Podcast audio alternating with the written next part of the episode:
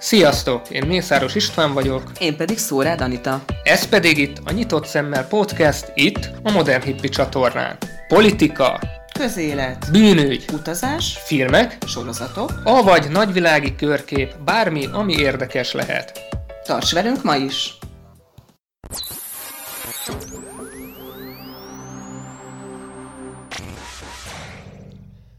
Mai adásunkban öt olyan kegyetlenül brutális emberkísérletet hoztunk nektek, melyek épp észszel fel sem foghatóak. Ezek is ugyanúgy megtörtént bűnesetek, csak nem egy-egy ember saját képzelgése vagy célja révén követte el őket, hanem többnyire a hatalom és vagy annak egy végrehajtó szervezete, és a cél sem a gyilkosság vagy a kínzás volt önmagában, hanem a hatalom és a tudás erősítése, és ezek a kínzások és kivégzések csupán a szükséges mellékhatásuk volt mindezeknek, nem is szaporítom tovább a szót, kezdjünk bele, de szigorúan csak erős idegzetűek tartsanak velünk.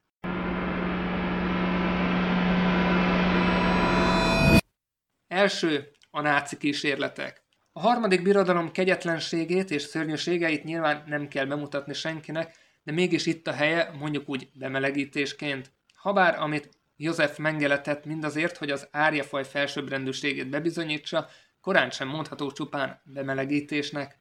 Kezdetekben a testi és szellemi fogyatékosokat, majd később nyilván a zsidókat is sterilizálták, nem túl humánusan jártak el közben, hiszen érzéstelenítés nélkül különböző maró folyadékokkal próbálták elzárni a petevezetéket, de a későbbiekben nemes egyszerűséggel kioperálta a nők méhét. Természetesen altatásról vagy érzéstelenítésről szó sem lehetett. A táborokban a foglyokon is sokféle kísérletet végeztek közben, a katonáknak kifejlesztett új gyógyszereket mind rajtuk tesztelték, valamint arra is kíváncsiak voltak, hogy különböző fegyverek milyen sérüléseket okoznak, így érzéstelenítés nélkül ejtettek rajtuk lőtt, szúrt vagy mart sebeket, és közben dokumentálták, hogy mitől milyen gyorsan véreznek el. Több áldozatot jeges víz alá szorítottak, éppen úgy, hogy levegőt még kapjon, és megnézték, hogy mennyi idő alatt hűlnek ki teljesen. Az ikrek is nagyon érdekelték őket, így Mengele több mint 2000 ikerpárral kísérletezett, hogy megállapítsa genetikai hasonlóságuk mi voltját.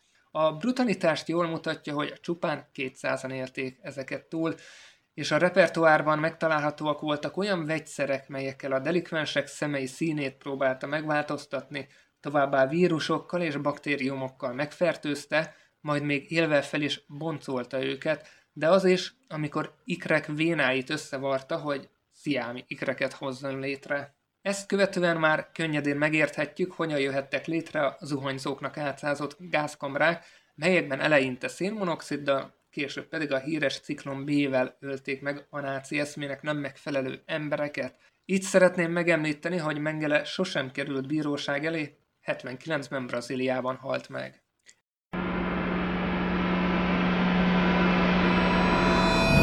A következő a szovjet kísérletek. Természetesen nem csak a náci rezsim híres a brutalitásáról, a szovjetek is sokat kísérleteztek.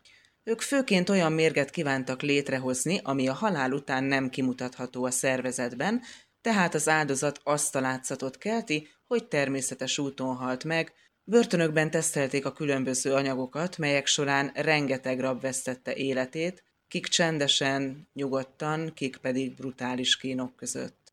A hidegháború során aztán bevált módszeré vált teába vagy ételbe kevert mérget juttatni az áldozat szervezetébe, de a későbbiekben már inkább esernyő végébe rejtett ricinnel szúrták meg a delikvens kezét vagy lábát, amelyel egy ricin tartalmazó kapszulát juttatnak a szervezetébe. A ricin pedig blokkolja a fehérjék alapvető szintézisét, leállítja a létfontosságú szervek működését, és összeomlik tőle az egész keringési rendszer. A felhozatal igen változatos, volt már példa ételbe rejtett TCDD-re, ami a dioxinvegyület legveszélyesebb változata, de a teába rejtett polónium 210-es radioaktív izotópra is.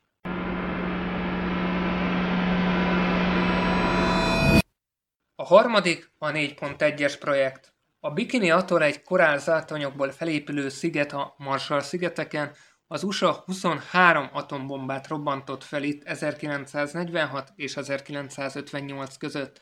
Viszont a 4.1-es projekt nem ez, hanem egy titkosított emberkísérlet volt a tesztrobbantásokhoz kapcsolódóan. 1954 márciusában ugyanis úgy robbantottak, hogy a sugárzás elérje a Marshall-szigetek lakóit. A szigetekre kutatók és orvosok érkeztek, de nem gyógyítani vagy szólni, csupán megfigyelni. Ebben az időszakban nagyon sok halva születés történt a szigeteken, ahogy a vetélés is megsokszorosozódott, és 20 évvel később már minden harmadik ember rákos volt a populációban. A kísérletet próbálták véletlen mellékhatásként feltüntetni és elkönyvelni, de a titkosított dokumentumokból kiderült, hogy tudatos és célzott emberkísérlet zajlott a Marshall-szigeteken ezekben az időkben. A Bikini attól ma már rövidebb ideig biztonságosan is látogatható, sok turistát vonz a radioaktív földi paradicsom.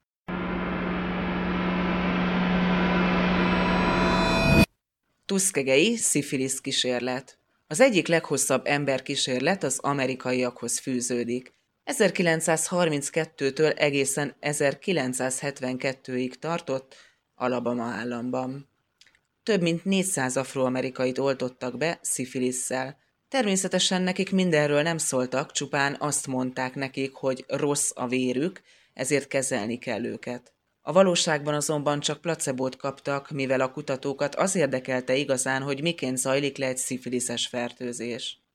A 40 éves kísérlet végére csupán 74 beteg maradt életben, miközben 40 férfinak a felesége is megkapta a fertőzést, 19 gyermek pedig már eleve szifilisszel született.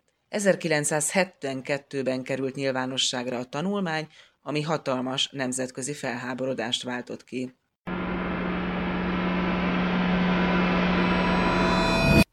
A 731-es egység. A második világháború alatt a japánok sem voltak restek emberkísérletbe fogni.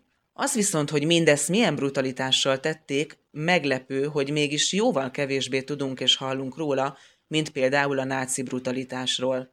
Az áldozatok főként kínai foglyok voltak. Elsősorban, ahogy akkoriban szinte mindenki, a fertőző betegségek és biológiai fegyverek hatásait kutatták. Beoltották az áldozatokat tifusszal, pestissel, kolerával, maláriával, fekete himlővel, TBC-vel, foszgénnel, ciánkálival és antraxal is. Ahhoz pedig, hogy a pontos hatásukat láthassák, érzéstelenítő nélkül élve felboncolták őket, sokszor kismamákat. A kísérletek azonban nem korlátozottak csak ezekre. Az üszkösödés is érdekelte a kutatókat, így az élőfoglyok lábait lefagyasztották, majd újra kiolvasztották, és így tovább.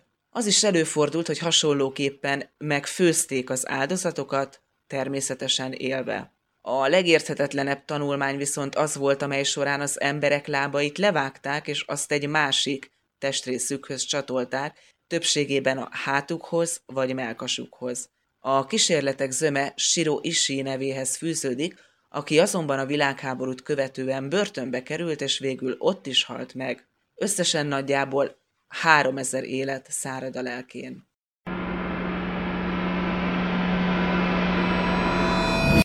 Igazából a mai adásunk az ilyen rövidre sikerült.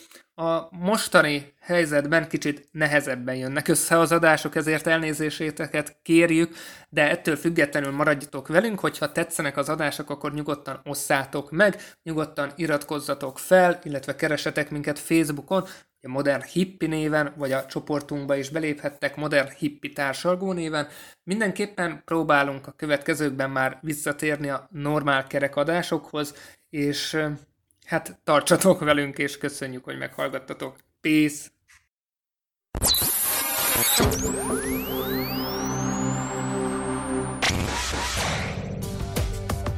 Ez volt a Nyitott Szemmel Podcast aktuális adása. Keres minket Youtube-on, Facebookon, Modern Hippi néven.